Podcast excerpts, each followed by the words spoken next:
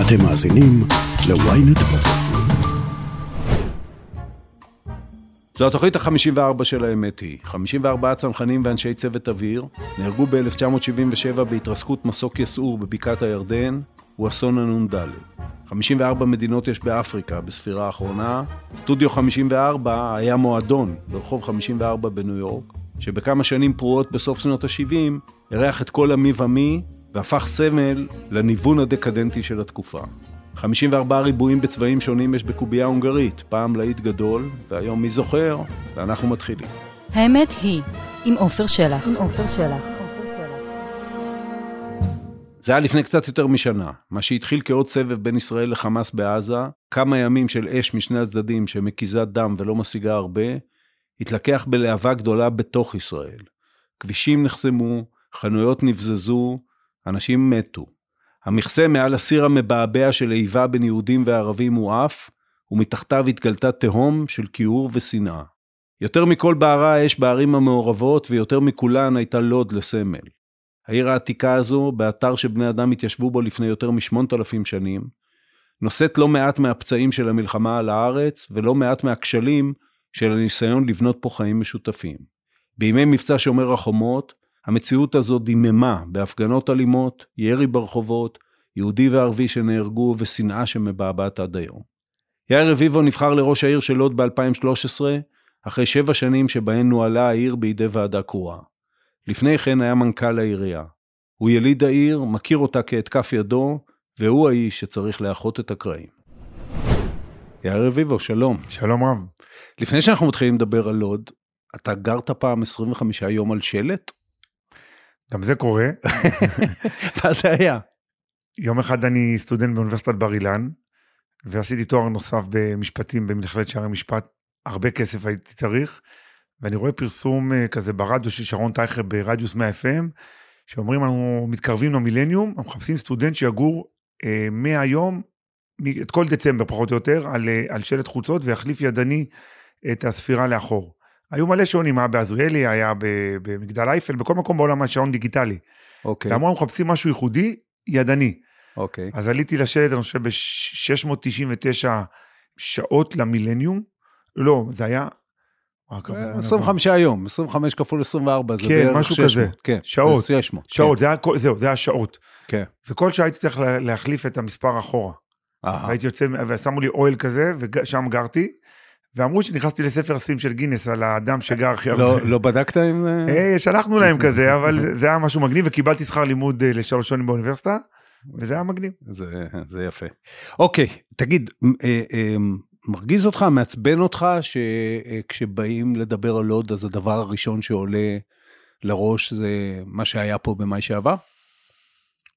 לא, זה דווקא משמח אותי, למה? כי אני חושב שנושא המשילות והנושא הזה ש, שיש בעיה עם מה שמוגדר אה, ערביי ישראל, הרבה שנים אני חוויתי את זה, כולנו חווינו את זה, אה, בטח בעשר שנים שאני ראש עיר ואני ממש מתמודד עם זה ברמה אה, יומית, וזעקתי לגב, לכל הרשויות, כלומר מממשלה, שב"כ, כנסת, והרגשתי שאני לא מצליח להעביר את המסר. לא טוב רביבו, נו בסדר, הוא הנביא הזועם בשער שאומר, אה, אמרתי חבר'ה זה הולך לקרות, משהו פה לא בסדר, משהו לא תקין. אני לא אומר מי אשם, אני אומר יש פה משהו לא תקין ביחסים בינינו. אבל אתה אומר, אתה אומר כבר פה בהתחלה, אתה לא אומר לוד, אתה אומר ערביי ישראל.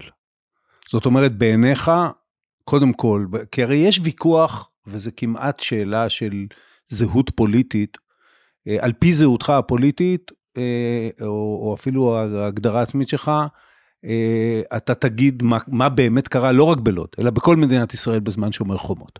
ואתה אומר חד וחלק, זה סיפור של ערביי ישראל, של ערבים ויהודים בישראל. אני, אני לא עכשיו נקטתי עמדה עכשיו אה, מי אשם ומה לא אשם. אגב, לי יש גישה בכלל אחרת שאומרת, אה, אנחנו הריבון, אנחנו הרוב, היהודים, במדינה יהודית ודמוקרטית, יש לנו חלק לא מבוטל מה שקורה פה. תמיד כן. אני מסתכל על ה... רוב ערביי לוד היום הם בדואים. כן. שמקורם ב- או בסיני או ברהט, זה המשפחות הגדולות, יש פה שבט אסברגה שמונה פה אלפי בדואים. המיעוט דווקא זה ערביי 48. ערביי, רוב ערביי 48 ברחו וחלקם חזרו אחר כך, היו פה פחות מאלף איש אה, נכון, כשהעיר נכון. נכבשה. אבל כן, היום, כשאני מסתכל כן. על כ-30 אלף ערביי לוד, כן. יש מיעוט של נוצרים, כאלף תושבים, יש אה, מיעוט של ערביי 48, אה, 2,000, 3,000, יש משת"פים, שזה נקודה שאולי ניגע במשתפי פעולה, של כמה אלפים, והרוב הגדול זה בדואים. בדואים. כן. עכשיו, כשאני מסת... שואל את הבדואים, יש פה אולי, אני מכיר, בכל הקריירה שאני פה, מכיר שניים, שלושה בדואים שעשו צבא, שאני רואה אותם כאילו עם מדים, כן. וזה זה מיעוט, זה כלום, זה בטל בכלום. ואני אומר לו, תגיד, אני רואה את הבדואי הממוצע, הוא אומר- הוא אומר, תראה, אני, אבא שלי עשה צבא, וכיבד את המדינה. אני לא עושה צבא, אבל מכבד את המדינה. הבן שלי לא עושה צבא ולא מכבד את המדינה, והנכד שלי אלוהים ישמור. כלומר, אנחנו רואים פה את ה... למה? למה? אז פה אני, אני, אני אישית, יאיר רביבו, זו עמדתי האישית, חושב שגם אנחנו לא בסדר. כן. כי אני אומר, איך יכול להיות שאוכלוסייה שנאמנה מאוד לתא שטח שהיא גרה בו, די דומה לדרוזים, ואתה לא מרגיש שעשינו מספיק כדי לקרב אותם. אני בטוח שנשב עוד עשר שנים בפאנל כזה, ונגיד, יאללה, אחינו הדרוזים, איפה, זוכרים את הדרוזים? ככה, עוד עשרים שנה מישהו יגיד, כן. זוכרים את הדרוזים? אני, יש לי חברים דרוזים, אני בוגר 8200 ושירתי עם דרוזים. ואני אדבר איתם, אומר, תגיד, מה, מה, מה בדיוק אנחנו מקבלים מהמדינה? איזה יחס? כשאנחנו באים לשדה תעופה מפשיטים אותנו כמו ערבים, כשהולכים לפאבים אתה ערבי, מבטא ערבי, אתה ערבי, אתה כל הזמן צריך להצדיק שאתה בסדר. מה, רק כשאנחנו בהלוויות אתם באים ו...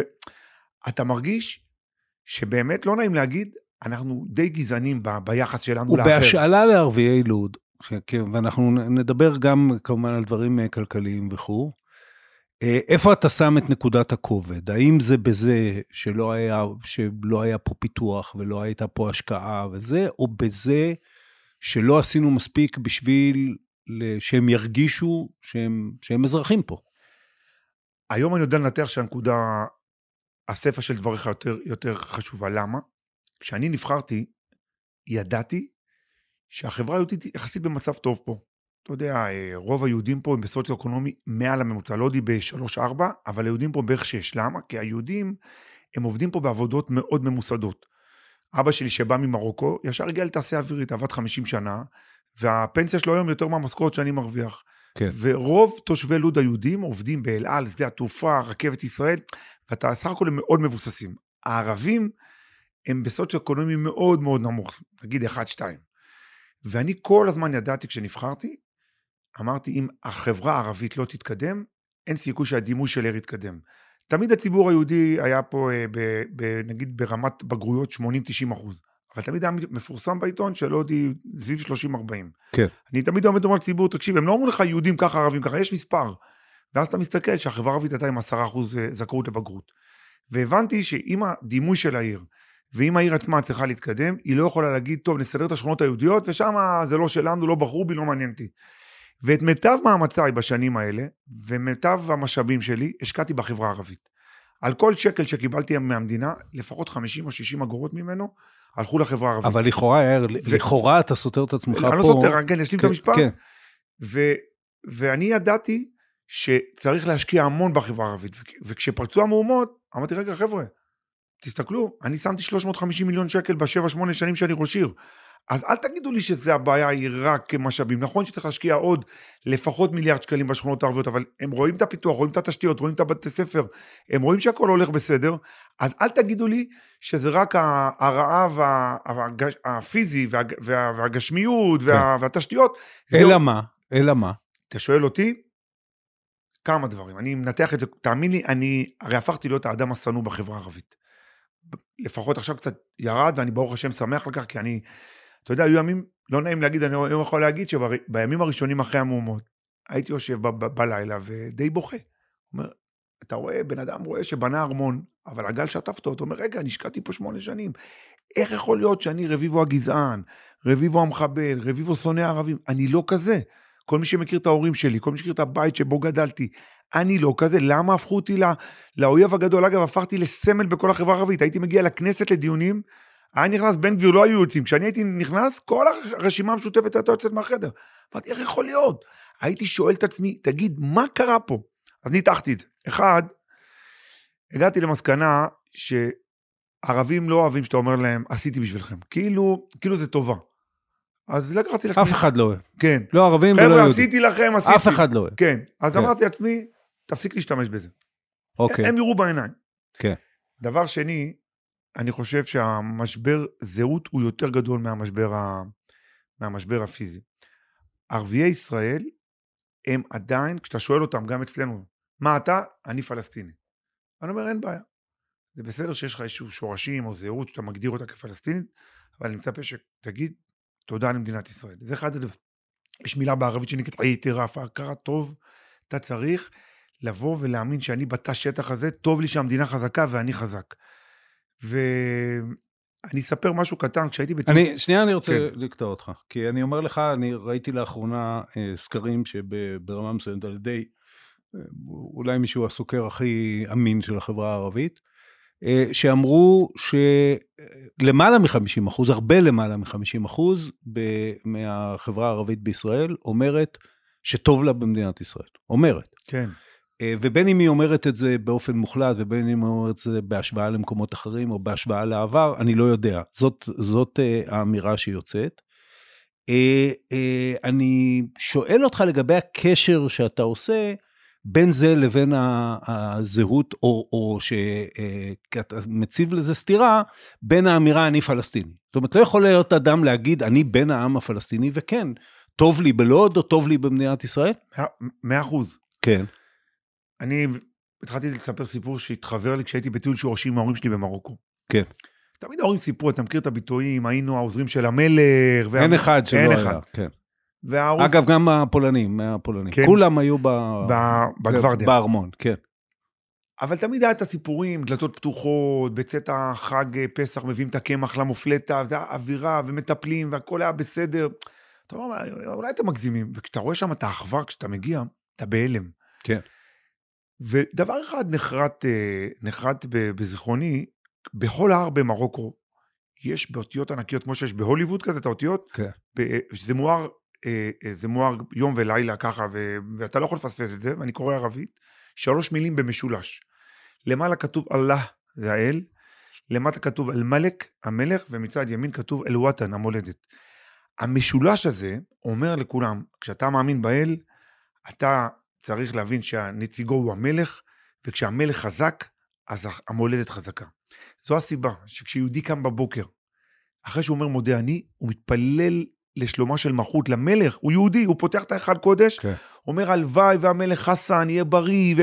כן, והוא עושה את זה, לא, בוא הוא- לא ניתמם, אנחנו בנינו פה את המלכות שלנו על האמירה היא שלנו כן. ולא שלכם, שנשמע ממנה באופן אה, מאוד ברור. אבל גם היהודי לא במרוקו לא, שלכם. מרגיש שיש לו שם איזשהו חלק ונחלה, הוא מיעוט שמה, מכבדים אותו, הוא מכבד את המלכות, הוא אף פעם לא רוצה שהמלכות חלילה תיכשל, כמו שאתה רואה כשיש פה מבצע, אז אתה רואה שאנשים מייחלים שיפלו טילים פה או שם, אז א- א- אנחנו פשוט רוצים לחזק את הקשר, שמי שגר פה לא אוקיי. משנה, אבל למה אני תמיד אומר גם אחריות שלנו? לי כן. מאוד כואב, אתה שואל אותי מה הסיבה המרכזית שערביי ישראל לא מרגישים פה טוב, זה, יש ביטוי שנקרא, יש לי מה להפסיד. לערבי ישראלי, הביטוי, הוא אומר, אין לי מה להפסיד. כן. מה זה משנה אם אני סוחר סמים, יורה בנשק, או נגד המדינה, או מוסכניק ב-5,000 שקל? מה אני יכול לקרוא, מה אתה יכול לעזור לי, שאני בסוף ארגיש טוב עם זה? אף ערבי ישראלי בלוד לא עובד באף אחת מהעבודות שהזכרתי מקודם. לא כן. בתעשייה אווירית, לא בשדה תעופה, לא ברכבת, לא... אני אומר לעצמי, תגיד, מה יקרה אם הצעיר שסיים י"ב עכשיו יעבוד כמו מקבילו היהודי בדיוטי פרי וימכור פסמים ליוצאים לחו"ל? מה יקרה? מה, הוא יפוצץ פה את השדה? התפיסה הזאת היא שכל דבר הוא ביטחוני, אני אומר עוד פעם, אני, אני יודע שמי ששומע אותי אומר, בוא'נה, יש, לו- יש לו גישה ליברלית. אני אומר, כן, צריך לקרב. החיבוק והחום, הוא יגרום לזה, זה לא רק חיבוק וחום, זה ישבור מחיצות. זה תחושה של אה, אה, שוויון הזדמנויות ככל שהוא אפשרי, מפני שבוא נגיד, גם תוצר מערכת, אני מניח שתוצר מערכת החינוך הערבית בלוד, כמו שדיברת על ציוני הבגרות, הוא לא סיכוייו ההתחלתיים, הן במצב הכלכלי בבית, הן במה שנתנה לו מערכת החינוך הפורמלית והלא פורמלית, הם לא כמו של מישהו שגדל בצפון תל אביב. נכון. לכן מדינת ישראל, אתה אומר, הייתה צריכה וצריכה להשקיע מאמץ בזה שהצעיר הערבי הזה מלוד יראה לפניו, אם לא הזדמנות שווה, הזדמנות קרובה ככל האפשר. נכון, ואגב, לא סיפרתי את, הסיפור הטוב. בחלוף עשר שנים שאני ראש עיר, הציוני בגרות עלו מ-10% כשנכנסנו ל-60% היום בחברה הערבית, מה שהעלה את כל מערכת החינוך בעיר ל-70%, זה מה שאמרתי באותו סיפור. אמרתי ליהודים, כשאתם רוצים להתפרסם, כשנעשה פה תהליך, תדעו לכם שהמשקולת הזאת, שהייתה כרגע משקולת שלילית, הפכה עכשיו את הכיוון, והיום החברה הערבית, היום יש יותר אה, חבר'ה שסיימו בגרות, יותר אקדמאים, ואני מאמין שהדור של הילדים היום, אנחנו נראה את התוצאות בהמשך. אבל חלק גדול אה, ב- ב- בטענה ההפוכה, שאומרת, מה שהיה פה זה החלק מהמאבק על ארץ ישראל, ואין פה בכלל אה, על מה לדבר, אומרים לך, חלק אה, לא מעט מאלה שהתפרעו פה במאי שעבר, היו בני 18, שאתה אומר שאחוזי הבגרות אצלם אה, גדלים, אה, שאתה אומר שלכאורה מדינת ישראל היטיבה את אה, מצבם, והנה, על, על תחושת השייכות והזהות זה לא השפיע. מה אתה אומר לטענה הזו? אתה צודק מאוד, אתה צודק מאוד, זה חלק מהדברים שאתה עוד מנסה לתחקר ולשאול את עצמך. אתה אומר, רגע, זה החבר'ה שאני נתתי להם ללמוד במוסדות שההורים שלהם למדו בקרוונים דולפים והם למדו כבר במבנים חדישים, זה חבר'ה כבר שעשו בגרות. אני זוכר שבימים הראשונים ישר קראתי למנהל בית הספר, אמרתי, תקשיבו, זה בוגרים שלכם, זה כבר לא תגיד אה, מישהו בן 30 שחי פה בקיפוח, זה ילד שקיבל הכל מאיתנו. קיבל מחשבים וקיבל אה, בגרות איכותית וקיבל אה, רובוטיקה. מה קרה פה? אז פה אני כבר מכניס את הצד הלאומני שנכנס פה, ולצערנו זה הדבר המדאיג שכל הזמן אמרתי.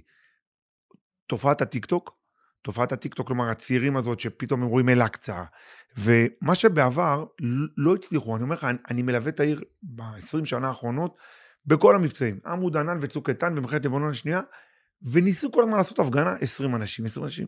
אז גם פה כשאמרו, כן. אמרו, טוב, יש עכשיו מבצע בעזה, יש הפגנה היום בערב, אז גם המשטרה אמרה, בסדר, יבוא 20 איש. אף אחד לא האמין שזה ככה יצא מילואה של תותח ויתפרץ ככה. ברור שזה ברץ לא רק בלוד, אלא בכל ברור. הארץ סביב סיפור אל-אקצא. זה כן. ברור. כן. אז אני שואל אותך שוב, אתה, אגב, גם, גם מכוח זה שאתה עצמך אדם אה, דתי, איך אנחנו אה, אה, מתמודדים עם העובדה שברגע שהפכנו את זה מסכסוך לאומי, שהוא קיים, כן, גם אדם עם, אה, בהשקפות אה, כמו שלי, שהן אולי לגבי הפתרון הן שונות משלך, אומר, הסכסוך הלאומי קיים, ובבני אדם יש אלמנט דתי, איך, איך אנחנו, מה אנחנו צריכים לעשות כדי, אני לא אומר לעקר את האלמנט הדתי, אבל כדי שהוא לא יתפרץ כך. יש לי הרבה שיחות עם חבר- חברים ערבים בלוד, תגיד, ברור לך, אני בחיים לא הייתי בהר הבית. אני לא, רוב היהודים, לא, זה, פלג מאוד מאוד קטן שמאמין במשיחיות הזאת. כן. כולנו אנשים דתיים, מתפללים שלוש פעמים ביום שיבנה בית המקדש במהרה בימינו, ירד משמיים, אה, המחזיר שכנתו לציון, כולנו, אבל אנחנו לא עושים שום פעולה אקטיבית. אנחנו באמת לא חושבים, מה, אתם לא מבינים שאנחנו באמת... אומר לך, תקשיב, ברגע שאומרים לנו אל-אקצא, אז המוסכניק והפלאח והכל אל-אקצא, אל תדבר איתו על אל-אקצא. ויכול להיות שהגורמים הקיצוניים הפלסטינים הבינו שהשטחים כבר לא, לא, אי אפשר שום דבר לחבר את הלאומנות הערבית אל אל-אקצא. וזה כן. הדלק וזה העניין, ואני חושב שככל שאפשר יהיה לדבר ולהסביר ולחדד את זה במערכת החינוך ובמערכת ההסברה, חבר'ה, לא פוגעים לכם באל-אקצא, אף אחד לא יפגע לכם באל-אקצא. מה שבורא עולם בסוף יחליט לעשות, כולנו בענף של אותו אל, תרדו מזה. ולא יודע, יש לי תחושה שזה הולך למקום טוב, כי אחרי הטראומה הקשה שהייתה פה במאי, והביקורת הכי קשה שלי הייתה על השב"כ. הרי אני יצאתי ביום שבפרוץ המהומות עליתי לתקשורת ואמרתי, השב"כ צריך לבקש סליחה כפולה מתושבי לוד. אחד, פעם אחת שבסוף שנות ה-80, באינתיפאדה הראשונה, הביא לפה אלפי משת"פים, והמשת"פים האלה, אגב, היו לימים מחוללי הפשיעה הפלילית, וכנראה גם המהומות. אני זוכר, אני התמחיתי בבית משפט אה, בדרך להיות עורך דין, אז כל הזמן היה מגיע ה- השוטר, ובא לשופט בשקט, מראה לו תעודת ציין, והוא משתחרר, זה ציין. הם היו מקבלים אקדח ותעודת ציין, ובחסות ההגנה הזאת היו עושים פה הרבה דברים לא טובים. כן. ופעם שנייה, אני ב... לפחות שמונה שנים, יש לי תכתובות, אה, אה, מכתבים, שאני פונה לשב"כ ואומר, תקשיבו, אני כדובר ערבית, מזהה פה דברים שאני לא אמור לזהות בעיר שלי. יש פה, יש פה שייחים ואימאמים מסוימים, כולל השייח אלבז, שמתבטא פה בדברים שהם דברים קשים. כמו מדינת ישראל מדינת אויב, יש לפגוע בה, לחס... איך זה? והייתי מעביר את זה לשב"כ, לא, זה, זה לא נורא, ו... או כשהייתי אומר על, על כמויות הנשק המטורפות. היו דוחים אותי בבוז ואומרים, תקשיב, זה פלילי. אמרתי, תראו, הפלילי הזה זה גבול דק מאוד ללאומני, בסוף הנשק הזה יתהפך עלינו. ואני יכול להגיד שלמרות שהשב"כ לא אהב את הביקורת שיצאתי, ככה מגורמים בשב"כ אמרו לי, אין לך מושג כמה אתה, בסוף השב"כ הבין שאתה צדקת, השב"כ עובד פה מאז שנה, עד ימים אלה, בצורה מאוד אינטנסיבית. הוא עשה מאות מעצרים, מאות חקירות, והבין שהיה פה קינים מאוד קיצוניים לדעתי. הוא כבר הספיק לטפל בכולם, והבין שהוא לא יכול לעזוב את לוד. כבר אי אפשר להגיד, הערים המעורבות, זה בעיות של חמולות ערביות. יש, ו- וזו הסיבה שהיום שקט פה. אם אני מסתכל מה קרה בשנה הזאת, אז פעם אחת השב"כ יותר נוכח, ופעם שנייה, המשטרה, ואם תרצה, נרחיב על המשטרה. מיד, מיד נגיע לזה, כי אני, אני רוצה ב, כפתיח למשטרה באמת להגיד, שמע, כידוע לך, אני גר פה, אני גר פה מעבר לכביש. 20 שנה, לפחות, אני לא, לא התחלתי לספור, אבל 20 שנה לפחות, המוזיקה שמלווה אותי אה, בדרכי לישון זה יריות. וה... ויריות יריות, אני פעם אמרתי שאם יהיה תרגיל חטיבתי בגינתון, אף אחד לא ישים לב, כי זה נשמע כל לילה אותו דבר. והממלכה, שזה אתה ואני והמשטרה ושב"כ, זה ברגע שאנחנו משב"כ, אה, אני, אני מכיר את השב"כ היטב, אני, אני אה, סומך על אנשיו, אבל אנחנו יודעים שעבודה של שירות ביטחון, כמו שב"כ בתוך אוכלוסייה אזרחית שהיא אזרחית שלנו, יש לה, אגב, גם השב"כ יודע, יש לה, יש איתה מורכבות לא קטנה. נכון. אבל המשטרה, שהיא הממלכה, לא, בעיניי, לא טיפלה בזה. אתה יודע מה, אני, אני אגיד משהו, תגיד לי אם אני צודק, כי זה ערבים על ערבים. כי, ה, כי הירי פה אה, אה, הוא של ערבים על ערבים, כי מי שזה מפריע לו זה ערבים, בסדר, עופר שלח מפריע לו בגינתון, שיסגור את החלון. חד משמעי. אני יכול להגיד שרוב שנותיי, אני אומר את זה בגאווה, אבל אני לא מתגאה כי זה, זה, זה נושא עצוב. אני אחד מאנשי הציבור שעוסק הכי הרבה בנושא הפשיעה בחברה הערבית. ואני עושה את זה כי אני מבין, וזה מה שאמרתי לתושבים הערבים. אמרתי, תראו, אולי כעסתם עליי, כי אני כל הזמן התעסקתי בכם, וחשבתם שזה מקום רע, אני פשוט יודע שאתם לא יכולים לדבר על זה. אז אני באופן תדיר הולך לוועדות הכנסת ומשגע, ואפילו בעצמי ניסחתי הצעת חוק שתכף אני אדבר עליה, ואני אומר לכולם, בגלל שערבי הורג ערבי זה לא סיפור. בממוצע בחמש שנים האחרונות, יש כבר מספר של שלוש ספרות, מעל 100, 100, 120, 110, גם השנה זה קצב כזה, של ערבים שהורגו ערבים. אגב, יהודים שהרגו יהודים זה בערך 20. זה, ואנחנו מבינים שהיחס הוא באוכלוסייה הוא, הוא באמת לא נורמלי.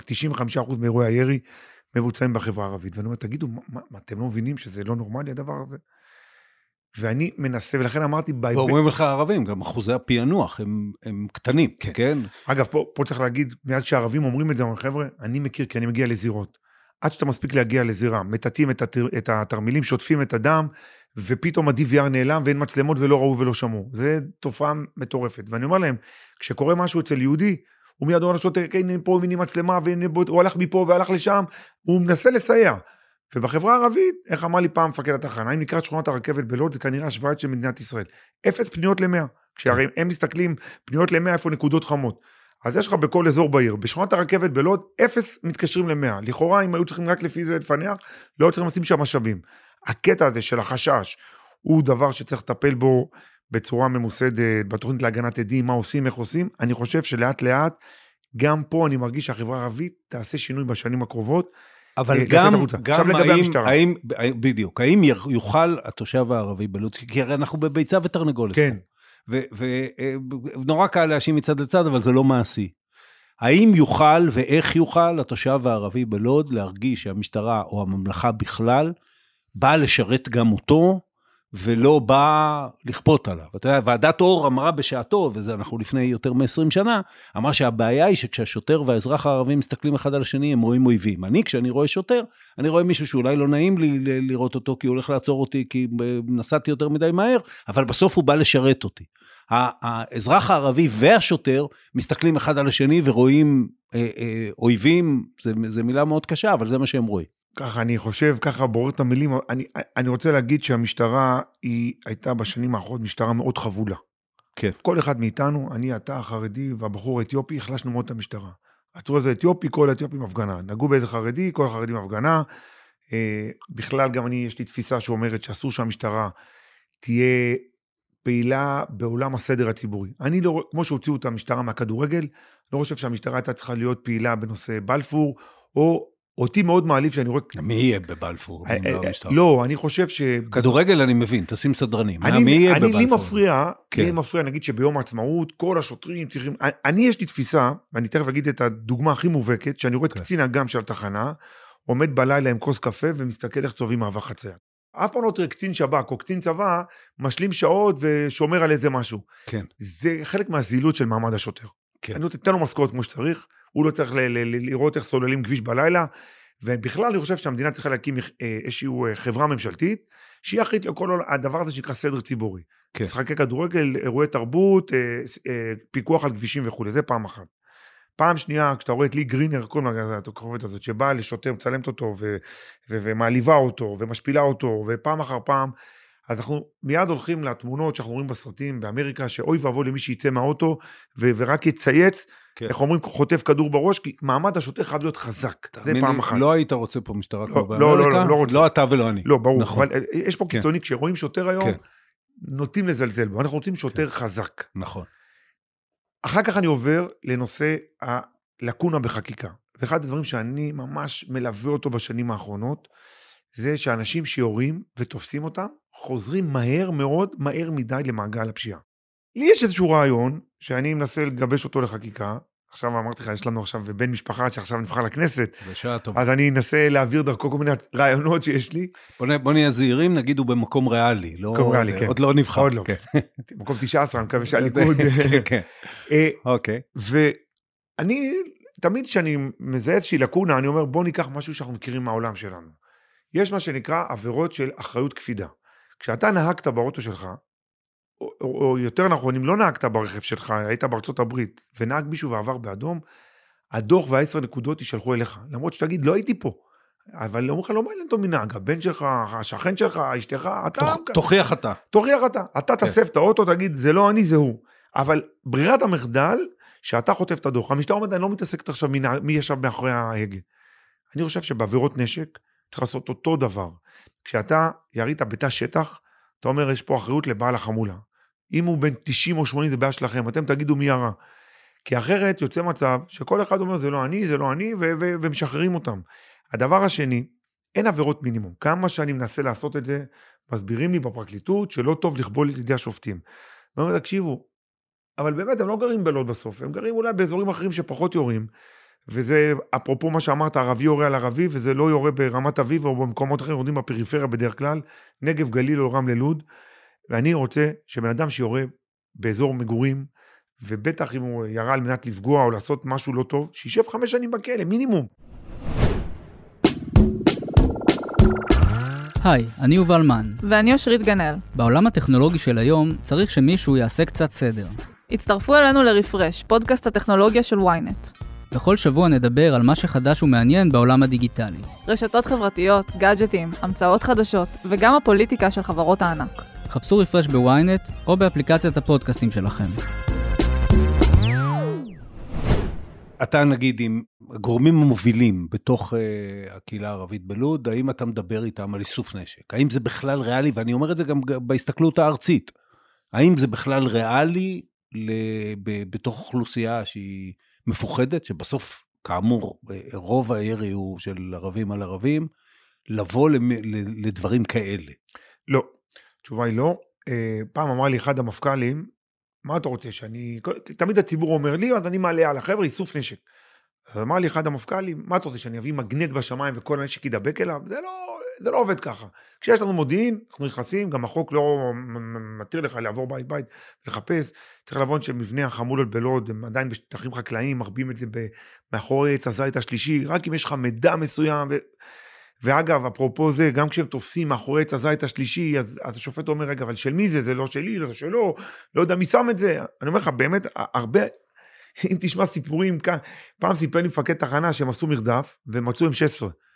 אז הוא אומר, העורך דין מספר לי, שהוא לא האמין מה הלקוח שלו אמר לו, הוא אומר, תקשיב, לקחתי טרמפ חייל, וכשהתחיל המרדף, הוא ברח והשאיר את ה-M16, והשופט האמין. נפל לו מהאוטו. תקשיב, הוא אומר שבאמת מאוד מאוד קשה היום, בכל הדיני הראיות וההחזקה, אתה צריך לתפוס מישהו על הגוף שלו עם הנשק יורה. זה מאוד מאוד קשה, לכן ברור. צריך קצת יותר להחמיר את הנושא הזה, ו... ו... וה... צריך לעצור דברים בדרך. תכף נדבר על נושא הכסף. יש הרבה כסף שזורם וצריך לטפל בו. יש הרבה הברחות מסיני ומהרשות הפלסטינית של נשקים. יש הרבה מכירות של חיילי צה"ל של נשקים וגנבות מבסיסי צה"ל. צריך לעצור גם כנראה משהו בדרך כדי להמעיט את מספר הנשקים שקיימים בחברה הערבית, וכמו שאמרתי, אה, א', צריך לה- להגביר את האכיפה ואת הענישה, וצריך לזכור שכשאני שואל ערבים, למה יש לך נשק? הוא אומר, אפרופו מה שנסגור את הנקודה של המשטרה, אני לא סומך על המשטרה. כן. כלומר, אני רוצה להרגיש בטוח. כן. אני למשל, אין לי נשק בבית, וגם לא לך וגם לא אה, לאחרים שנמצאים פה איתנו, כי הוא אומר, תשמע, יש בעיה, מישהו יאיים עליי, אני ארים טלפון למשטרה. כן. בחברה הערבית, הוא אומר, אני עדיין לא מאמין במשטרה שהיא תגן עליי, ו... ובאמת, אני רוצה, ש... בוא, ש- אני בוא, רוצה, ש... אוקיי. אני רוצה, שהמאזינים יבינו שיש אירועי נשק כל כך מטומטמים וטיפשיים, זה יכול, זה מתחלק ככה. יש שלושה סוגים. בוא, בוא לא, אני לא אוקיי, רוצה ל- אוקיי. ללכת לפינה של הנשק. אני, אני רוצה ל- לעבור לשתי נקודות אחרות. אחת, שלא דפחה, ש- כמובן שלא בטובתה, לאיזה סמל לכל הצדדים. וחלק ממה שהיה פה, וגם במאי שעבר, ואני מניח שבכל מיני אירועים, הוא אנשים שמגיעים בהזדמנות זו ל- ללוד, מפני שהם אומרים, פה זה, זה הקרב. וכמה מזה באמת, אז ובכלל, זה אה, גורמים ארציים משני הצדדים, שמנסים ל- ל- להלהיט פה את הרוחות כדי לנצח איזשהו ניצחון אה, תודעתי. אה, ובהקשר הזה גם, יש את אה, אה, אה, סוגיית הגרעינים התורניים, שאתה התבטאת לא מעט בשבחם, אה, אבל הטענה מהצד השני, זה אנשים שבאים, וב- לא כל יום, הם לא קמים בשביל זה כל יום, אבל אה, קראתי עכשיו אה, אה, סיפור על דירה שנשרפה בלוד והפכה לאיזה מוקד של סיורים ועלייה לרגל. עכשיו השכנים הערבים שם מגיבים, שופכים מים, אני לא יודע, טוענים שמחבלים במכוניות וכן הלאה והלאה. זאת אומרת, כמה הסמליות של לוד הפכה לזה שבעצם גורמים מבחוץ, כל מדינת ישראל מתערבת פה בטריטוריה הזאת ומלהיטה את האש. אז בוא נגיד שקודם כל העובדה שהיתרון הכי גדול של לוד מאז ימי ההיסטוריה זה המיקום שלה. כן. אז מסתבר שכשהמיקום כל כך נוח, קרוב לכולם לבוא. אין עיתונאי או מישהו שעל הדרך אומר, וואי, קופצתי ללוד. אין לו כבר לנסוע לדימונה עכשיו אירוע או לעכו אפילו. אז הוא מגיע ללוד. אז המיקום של לוד מביא את כולם, אני זוכר שבשומר חומות עוד לפני שהבינו שכל אולפני הטלוויזיה קמו פה. אז א', כן. הסיפור הרבה יותר מורצה ממה שהוא. אה, אז זה נקודה אחת. לפעמים אנחנו מבינים ש, שנוח לכולם לבוא, לעשות פה את ההפגנה הראשונה, את המפגש, את אשר סלח שייתן פה נאום, מגיעים ללוד. ואין ספק שהיא הפכה לסוג של סמל. אנחנו לא רוצים שהיא תהיה סמל. אני כשאני מדבר עם האוכלוסייה היהודית והערבית, אומר חבר'ה, עייפנו מלהיות סמל, מה זה נותן לנו סמל? בואו נחזור לשגרה. ואני יכול להגיד שבאמת, ברוך השם, בארבעה חמישה חודשים האחרונים, אתה פחות שומע על אירועים בלוד, וככה צריך. כן. זאת אומרת, מה, מה זה ייתן? בסוף אנחנו רוצים למכור פה דירות, להביא אוכלוסייה טובה, לא, אנשים אין להם כוח לשמוע כל היום. לוד, לוד, לוד. אז זה פעם אחת. לגבי הגרעינים התורניים, צריך לזכור שהגרעינים התורניים בכלל התחילו כמשהו מאוד קהילתי. הם התחילו באותן שנים שהייתה הגירה שלילית מאוד גדולה ליישובים ממזרח העיר שקמו באמצע שנות ה-90, שוהם, מודיעין ואלעד, והיה, איך אומרים, היה פקק ביציאה החוצה מהעיר. כן. ו- ואז, ואז בני המקום, חברים שלי, כמו מנכ"ל העירייה היום, אהרון אטיאס, או סגני יוסי הרוש, שבני המקום שגדלנו ביחד אמרו, אי אפשר להשאיר ככה שהדירות פה ריקות ואנשים עוזבים, ו- וצריך לעשות משהו. ואז זה התחיל במשהו קהילתי, חבר'ה, בואו נחזק את לוד. לא קשור ליהודים ערבים, למשהו... חלקו לא קשור וחלקו כן נכון, קשור. נכון. בוא נגיד. נכון. התנועה של הגרעינים התורניים אה, אה, נתמכה, אני לא יודע אם כמה, אבל נתמכה, למשל, על ידי אה, אורי אריאל ואחרים, במטרה ברורה, את, אה, את, את, אני, אני מנסח את זה בשבילם, אבל את אה, הקרב על השומרון כבר ניצחנו, בואו נעשה עכשיו את הקרב בתוך מדינת אני אז ישראל. קראתי לזה התנחלוד, בדלת בסוף, כן. התנחלוד. כן, מקום עם קונסנזוס, לא צריכים להחזיר את לוד, אבל היא, אה, צריך לחזק את הצביון היהודי. נכון, זה, זה אידיאולוגיה. לא לגרש את הערבים, לא על חשבון הערבים, לא, לא לה- להגיע לחיכוך.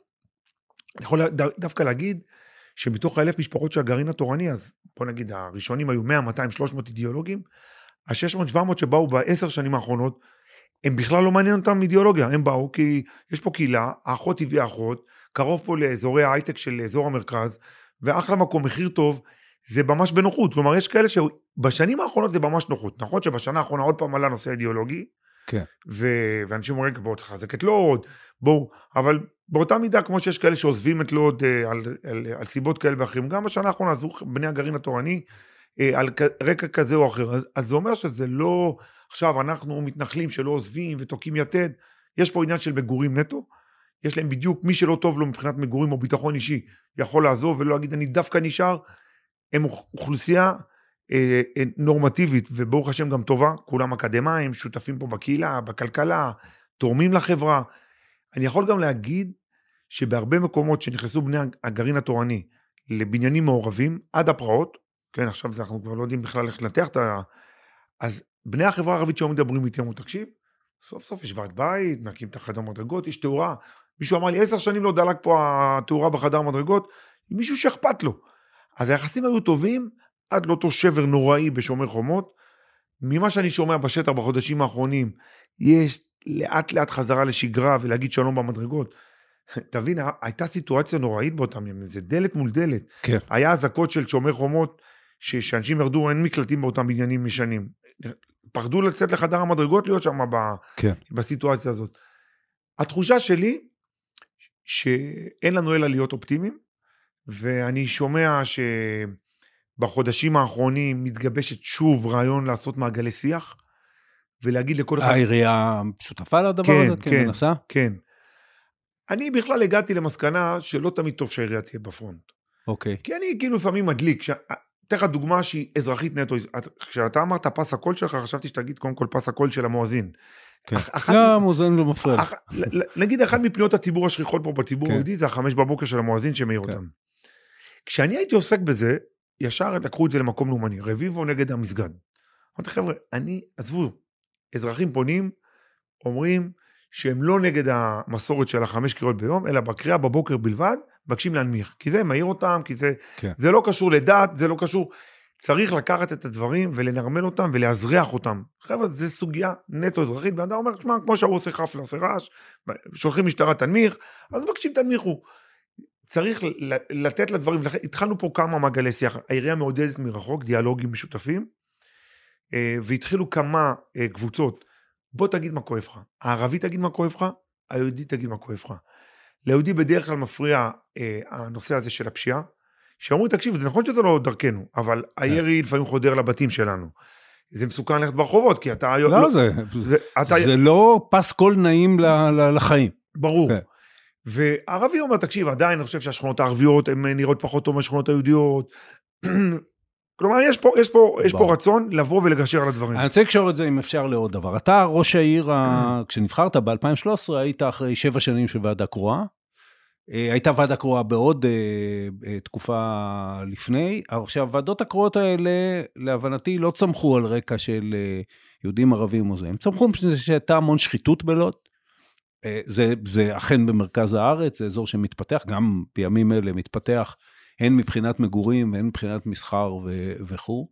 האם השלטון המרכזי במדינת ישראל לא הזניח את אה, לוד גם כי אה, הוא ואולי אה, מקורבים לו ראו פה מקום לעשות כסף הרבה יותר מאשר מקום שאנשים יחיו בו.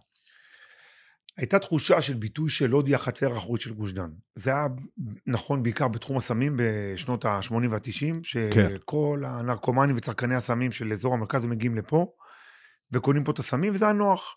עד שלמדינה נמאס ועשו פה מבצע גדול מאוד, אה, באמצע שנות ה-90 נקרא אי ירוק בים, ועצרו פה נהגי מוניות וסוחרי סמים, ולפחות בתופעה, בתחום הזה, אותם כספומטים די נעלמו. כן. כלומר, המדינה הוכיחה כשהיא מתלבשת על נושא, והיא לא שוכחת ממנו, היא יודעת אה, לבוא ולשים את כל כובד משקלה ולטפל בעניין. היו פה כמה ניסיונות, אחד של אריק שרון בתחילת שנות האלפיים, שאמר, אני שם את לוד על אה, ראש שמחתנו, ואחר כך החלטות ממשלה אה, אה, של בנימין נתניהו, ואין ספק שמאז שנבחרתי, באתי ואמרתי, חבר'ה, הייתה פה ועדה קרואה באמת, בערך עשור בתוך 12 שנים, ובאנו פה חבר'ה צעירים, רוצה להזכיר שאני ניצחתי, אה, הייתי בחור צעיר, בן 38, יחסית לא מוכר, ניצחתי חבר כנסת מאוד מוכר שהתמודד יורם מרציאנו, והרגשתי שהציבור אומר, אנחנו רוצים משהו חדש. משהו חדש, צעיר, משכיל, מבני המקום הצעירים, אנחנו רוצים ללכת על הכיוון הזה. ואז רתמתי את הממשלה, ואמרתם, תראו, אני אדאג למינהל תקין, אני אדאג להביא לפה חבר'ה שבאים לעבוד בניקיון כפיים, בלי קומבינות, לא מעניין אותנו שום דבר, רק להציל את העיר. אתם תעזרו לנו. אני זיהיתי בדיוק כשנבחרתי שלממשלה מאוד חשוב נושא של אה, הדיור במרכז הארץ, ולוד היא מאוד אה, עשירה, מוקפת בשבעה מושבים אה, מסביב לעיר, יש המון עתודות קרקע פה שאפשר להפשיר, ולצד התחדשות עירונית, ובאתי למדינה ואמרתם בואו נעשה ווין ווין. אני יודע להביא לכם 50 אלף יחידות דיור פה, זה ממש כ-200 אלף תושבים, לפתור לכם את כל משבר הדיור של הצעירים, אבל בתנאי אחד, כל הכסף שייכנס מהשיווק, כל הכסף לא ילך למדינה, יחזור חזרה לטובת התשתיות של השכונות הערביות, העיר העתיקה, שכונות הוותיקות, כי שנים אתם הזנחתם את לוד. כן. ואמרתם, תראו, למה זה ווין ווין? כי אם אנחנו לא נכנסים למהלך הזה, מי יקנה דירה בלוד היום? אז אנחנו צריכים לבוא לשפר את, את מרכז העיר, את העיר העתיקה, לעשות אותה מנוף תיירותי וכלכלי, ואז זה למעשה חכה לעיר ולא דגים. עוד כמה שנים העיר תייצר לעצמה כסף מאזורי התעסוקה, מהתיירות, מהמגורים, תושבים חדשים שיבואו וישלמו ארנונה אה, טובה וללא הנחות וכולי, זה ווין ווין לכם. והמדינה הסכימה והלכה איתנו, ואני רואה שהשיווקים מאוד מצליחים. אני יכול להגיד שרשות מקרקעי ישראל היא אפילו בהלם מהנתונים שאחרי שעומד חומות, נמכרים פה דירות, ויזמים משקיעים ומאמינים בעיר, וזה נותן תקווה שהעיר הזאת במרכז הארץ יש לה עתיד, ואני חושב שאפשר להתפנות לקחת את המשבר הגדול הזה שנוצר בין יהודים ערבים, ולהפוך אותו להזדמנות של, של מקום שבו חיים ביחד, בחיים משותפים טובים, מייצרים פה כלכלה טובה, עסקים משותפים, וכולם ייהנו מהדבר הזה. אתה אמרת לאחרונה משפט שהתייחסת אליו בהקשר של דווקא של שנות 90, כשעזבו, אגב, הילדים שלי למדו בשוהם, החברים שלהם משוהם, כמעט כולם חבר'ה שנולדו בלוד ו- ועזבו לשוהם. יש פה תיכונים טובים, מדעים, אה, לוד, אתה זוכר? כן, פה... אני אומר אה, אה, ב- ב- בשלב הזה, ואתה התייחסת לאחרונה ואמרת עוד פעם, תושבים חזקים עוזבים את לוד, הפעם התייחסת לסוגיות כמו ביטחון אישי ו- וכן הלאה. זה, אחד, אני רוצה לשאול אותך, האם תושב ערבי שמתקדם ויש לו תעסוקה טובה ו, וכן הלאה, יישאר בלוד? האם זה ושתיים, זאת אומרת, האם יש פה יכולת ליצור משני הצדדים, היהודי והערבי, מעמד בינוני, בינוני גבוה, שהוא בסוף זה מה שמחזיק מקום יישוב? הבסיס להכל הוא ביטחון אישי. אני אה, רואה הרבה אה, בני טובים שיצאו ללמוד רפואה מהחברה הערבית, וכואב לי שאמרו אנחנו כנראה לא נחזור להיות, כי כל מה שלמדנו מפחדים לחטוף איזה כדור. כן. לא, לא בגלל יהודים אגב, אמרנו עוד פעם, אותו סיבות שדיברנו מקודם, כן. בגלל אותה, הוא אומר, בסוף, בשנים האחרונות שמתי לב שהורגים את הפשוטים, את ה, הלא מעורבים, כי אותו עבריין ממוגן עם מגדלים ורכבים משוריינים, וכשצריך להרוג מישהו במאזן החמולתי, מחפשים את אותו מסגר, את אותו סטודנט, וזה רוב הנרצחים בשנים האחרונות, וזה ממש, אני אומר לך, זה שורף לי את הלב. כן. זה נורא, שבסוף אומר לך, תקשיב, כן. אנחנו צריכים להרוג לחמולה הזאת והזאת עכשיו מישהו, לחפש את הנהג אוטובוס, את המסגר, זה, כל מה שאמרתי זה מקרים שקרו, נהג אוטובוס, מסגר סטודנט. ולכן אותו סטודנט שלמד, אבא שלו אומר, תקשיב, וואלה, השקעתי בך כסף, שבע שנים, למדת עכשיו, לא משנה, בחוץ לארץ או בארץ, אל תחזור לפה. ואני חושב שזה דבר לא נכון, אני רוצה ש, שהטובים תמיד יישארו, יהודים כן, וערבים. כן. בסוף, אתה יודע, חברה, חברה צריכה שיהיה לה הטרוגניות, גם באנשים וגם במצב הסוציו-אקונומי וגם ביכולת השתכרות. אתה לא יכול כל הזמן שהעירייה תממן את החוגים או את הצהרונים, אתה רוצה שבן אדם ירוויח 20-30 אלף שקלים בחודש, היו הרבה כאלה שירוויחו ככה, ויישארו ויקנו פה בתים ויתרמו לחברה. אז בהחלט בקטע הזה זה רצון משותף שלי, ואני חושב שגם של, של החברה, שהדור של הילדים יהיה יותר, יותר מהדור של ההורים והדור של הסבא סבתא שהגיעו מ, או ממרוקו או מרהט והקימו פה את הבתים שלהם. אז בעניין הזה אנחנו כן שואפים להקים פה שכונות איכותיות, גם בחברה הערבית, גם בחברה היהודית, גם בחברה הדתית. לוד, כמו שסיפרתי לך מקודם, יש פה... בשכונות הפריפריה של לוד האלה שאתה אה, מדבר עליהן, אה, תושבים ערבים קונים בתים? כן. כן? כן. אוקיי. קודם כל, תושבים ערבים, העיר לוד חשוב לדעת שהיא אחת הערים המעורבות האמיתיות. כן. יכול להיות שזה גם מה שהתפרץ יותר בערך בשומר חומות. 20 25 אחוז, נכון? כן, אבל, אבל נגיד בניגוד לרמלה שכנתנו, ששם רוב הערבים מרוכזים בשני כפרים, ג'ואריש וגן חכ"ל, בלוד אין כפר, יש פה כן, שכונות, כן. אומנם יש פה אזור אחד שהוא מובהק ערבי הרכבת, אבל רוב השכונות הן מעורבות. כן. העיר העתיקה, השכונות היהודיות, הן די מעורבות, והיחסים הם באמת טובים ביום-יום. צריך להבין, בוא, תרד, איתי לסיור, תראה בעסקים, נכנסים, אני- קונים, די... אני חי פה רק 30 שנה, אני יודע, אני מכיר. אז יחסית הדו-קיום פה הוא באמת סביר פלוס. אוקיי, לסיום, אה, תמכור לי את לוד. אני אה, אה, זוג צעיר, אני... אה, אה, אגב, יש בעיות שאתה לא יכול לפתור, כמו זה שאי אפשר לנסוע, נגמר כבר לנסוע מפה לתל אביב, אני אומר לך זה, אבל, אבל תמכור לי את לוד, בחמש, עשר שנים קדימה. לוד חוזרת אה, למקומה ההיסטורי, כאחת הערים המשפיעות אה, לאורך כל ההיסטוריה. לא בכדי גם הטורקים וגם הבריטים שהקימו את שדה התעופה או את הרכבת, תמיד זיהו בלוד. יש מקום- פה למעלה משמונת אלפים שנה של היסטוריה. כן, כן. כן. לוד אחת הערים העתיקות בעולם. קודם כל היא מעניינת. היא מעניינת בזה שאתה יכול ללכת ולראות עץ בן מאות או אלפי שנים, או מבנה עתיק. כיף להסתכל, היא לא משעממת, היא לא, חלילה, בלי לפגוע לא במודיעין ולא בחריש. זה לא קבוצה של בתים אה, שנראים אותו דבר, ואין סיפור. יש סיפור מאוד מיוחד. האנשים פה, הקהילתיות פה היא מאוד חמה. וזאת עיר שמי שאוהב קהילתיות ומשהו מעניין, ואני רואה את העיר העתיקה שלנו כעיר, אה, עיר עתיקה בינלאומית, כזאת שיש בה שווקים ו- ומשולש דתות לכל הדתות ומוזיאונים ומקום לבלות פה, אז, אז אני רואה את העיר כעיר מצד אחד מודרנית עם שכונות חדשות, מצד שני התחדשות עירונית, מצד שלישי אוכלוסייה מגוונת שיודעת לחיות ביחד, עיר שיש לה סיפור, אני בהחלט חושב שהמיקום של העיר, יש פה תחנות רכבת והמטרו שנכנס פה חזק מאוד, אה, הנגישות שלה, אפשרות התעסוקה אה, והעניין ההיסטורי, כל אלה, אם נפתור את הבעיות שאני חושב שאנחנו בדרך לשם, כי אני רואה שכשהמשטרה תפסה, לכן אמרתי ופתחתי במרכאות, אני שמח על שומר חומות, כי זה גרם למדינה להבין שצריך לטפל בביטחון האישי בצורה יותר אינטנסיבית, ואני רואה שזה קורה. אני רוצה להגיד מילה טובה, פתחנו ככה, לסיים באופטימיות, המשטרה היום יותר נוכחת, יותר חותרת למגע, יותר מבקשת לעצור את הפשיעה אה, עוד בהתהוותה, ואני מניח שכולם יבינו שהפשיעה היא לא טובה לאף אחד. אני באמת באמת אופטימי.